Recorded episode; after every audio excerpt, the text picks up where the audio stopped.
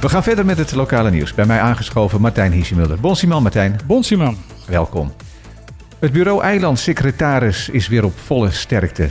Ja, en dat is eh, voor het eerst sinds jaren. Het is heel lang zo geweest dat de eilandsecretaris een andere functie kreeg en dat er op dat, moment eh, geen nieuwe eilandsecretaris was.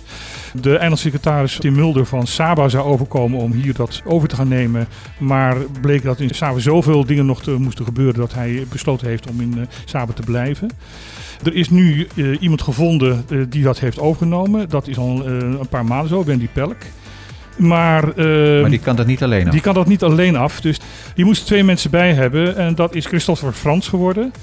En Roxane Francis. En Christophe Frans, dat is wel even leuk om te melden. Dat is eigenlijk de eerste van de topmensen, uh, het talentontwikkelingsprogramma uh, van de uh, ambtenaren, die nu echt doorgedrongen is tot de top van de ambtenarij. Oké, okay. wat is precies de taak van de eilandsecretaris? Het is de baas van alle ambtenaren op het eiland. Dus best wel een, een belangrijke functie. Een zeer belangrijke functie en een zeer beleidsbepalende functie ook. Ja. We gaan naar het klimaat. Daar hebben we vorige week ook al even over gesproken. Maar het lijkt opeens dat er wat extra aandacht voor aan het opbouwen is. Er is uh, zeker meer aandacht voor uh, aan, aan, het komen. Omdat ook de voorspellingen en de zaken die nu uh, aan het gebeuren zijn... ook steeds ernstiger en de verkeerde kant op gaat. Ja, natuurlijk stond armoede eigenlijk steeds op één hier. Als ja. het ging om aandacht, vooral uit Den Haag. Maar zo langzamerhand komt er ook wat extra aandacht voor klimaat. Ja, eh, maar het grote probleem is dat net zoals bij armoede, uh, Nederland in alle klimaatplannen voor, voor Euro Europees Nederland, Caribisch Nederland niet meeneemt. Voor het gemak. Voor het gemak. Terwijl de gevolgen hier echt, echt ernstig zijn. Uh, men verwacht dat de zeewaterspiegel echt behoorlijk gaat stijgen. Dat kan tot een half tot, tot 0,6 meter zijn. Nou, als dat zo is, dan staat Kralendijk al onder water. Ja. Plus dat in de bovenwinden de kans op zware en zeer vernietigende stormen gewoon echt sterker en groter wordt. KNMI heeft daar dus nu, nu melding van gemaakt. Van jongens, kijk uit, uh, dit is echt ernstig en die, hier moeten we rekening mee houden. Ook in Caribisch Nederland. Want die heeft wel aan de bel getrokken voor onze regio. Die heeft ook echt gezegd van dit geldt ook heel erg voor Caribisch Nederland. Dus pas op. Er stond vandaag in het uh, NTR Caribisch Netwerk een artikel dat klimaatverandering toch voor de Bonaireanen een beetje uh, ver van, van je bedshow is. Omdat armoede overheerst. Ja, ja, dat begrijp precies, ik. Wat we al zeiden. Ja, dat begrijp ik. Want als je honger hebt, dan heb je zoiets van, nou ja, goed, dat water, dat zien we dan wel. Dat komt misschien of misschien ook wel niet. Maar in ieder geval, dat is ver van hun bed op dit moment. Flamingo Airport is al een tijdje aan het uitbreiden, aan het renoveren. En ik heb begrepen dat die uitbreiding nu ook voor de aankomsthal een feit gaat worden. Dat klopt. Er is een masterplan. Dat moet nog goedgekeurd worden. Maar daar zijn ze heel hard mee bezig. Daar, dat zijn zeer grote veranderingen. Dan gaat het hele parkeerplatform uh, verder weggelegd worden van de, de startbaan. Uh, om dat veiliger te maken. En er gaat een pier komen, al dat soort zaken. Maar dat is nog toekomst. Mm -hmm. Maar wat ze nu al wel gaan doen, is een overkapte aankomstlijn maken. Waar mensen dus buiten kunnen wachten, maar niet in de zon hoeven te Ja, want nu als je voor de douane staat te wachten, sta je daar of in de brandende zon. Of, als je pech hebt in de stromende regen. In de stromende regen en helemaal ja. met die COVID-controles. Ja. Dus dat is een goed plan. En ze gaan ook de aankomsthal zelf iets vergroten. En de band met bagage gaan ze groter maken.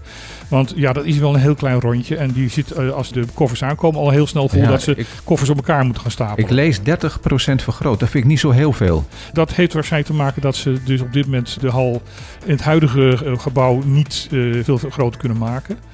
Maar elk een beetje helpen. Dat is zeker zo. Nou, iedereen die via de Gaia Gobernador de Brod richting Hato rijdt, kent het probleem. Regelmatig zout water op de rijbaan ter hoogte van de jachthaven. Vorige week zijn daar de herstelwerkzaamheden gestart.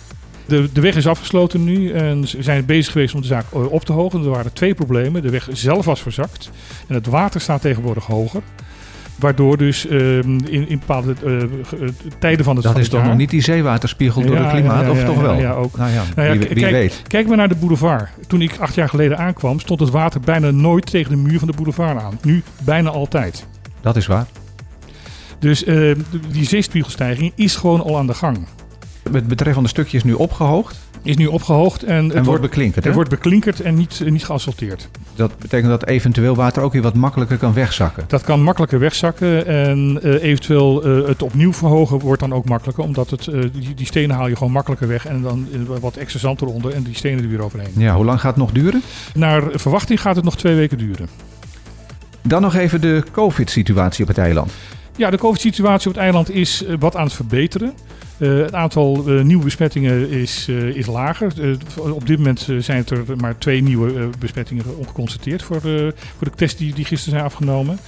Het aantal besmettingen is ook omlaag aan het gaan. Maar wat niet omlaag gaat, is het aantal patiënten die in het ziekenhuis liggen. Het waren er meer dan tien afgelopen weekend. Ja, er waren er twaalf, waarvan één in Curaçao. En twee daarvan hebben op dit moment nog intensieve zorg nodig. Dat is eentje minder dan gisteren. Maar Fundación Maridal vindt dit aantal wel de reden om ja, nieuwe maatregelen te nemen. Er wordt een aparte afdeling opgezet, uh, alleen voor COVID-patiënten. Mhm. En de electieve uh, operaties, dus de niet-acute operaties, worden zelfs helemaal stopgezet. Om meer ruimte en meer tijd en meer energie te hebben. Om ja, toch het grote aantal COVID-patiënten die op dit moment in het ziekenhuis liggen. En waar de verwachting is dat dat nog wel gaat stijgen. Ja, als je tenminste naar Nederland kijkt, dan zie je dat de cijfers daar ook weer flink omhoog gaan. Flink omhoog gaan. Dus uh, die verwachting denk ik dat wel terecht is. Om die op te vangen en te zorgen dat dat uh, ja, niet uit hand gaat lopen. De bezoekers kunnen ook niet ongelimiteerd meer uh, terecht op de afdelingen? Nee, ze worden gescreend. Dat betekent dus dat ze waarschijnlijk laten zien dat ze geen besmetting hebben. Uh, mondkapjes zijn weer helemaal verplicht en er mag maar één bezoeker tegelijk bij een patiënt aanwezig zijn. Tot besluit het weer. Het weer. Het is vandaag wisselend bewolkt met aan het eind van de middag een kans op regen. Er komt vanuit het oosten weer een regenfront onze richting uit. De temperatuur vanmiddag is maximaal 30 graden met een gevoelstemperatuur van slechts 2 graden hoger. Vanmiddag kan de wind wat aantrekken tot 40 km per uur. In de avond wordt het wat minder. En zoals de voorspelling er nu uitziet, is de kans op bui de hele week aanwezig. Dankjewel Martijn en tot morgen. Tot morgen.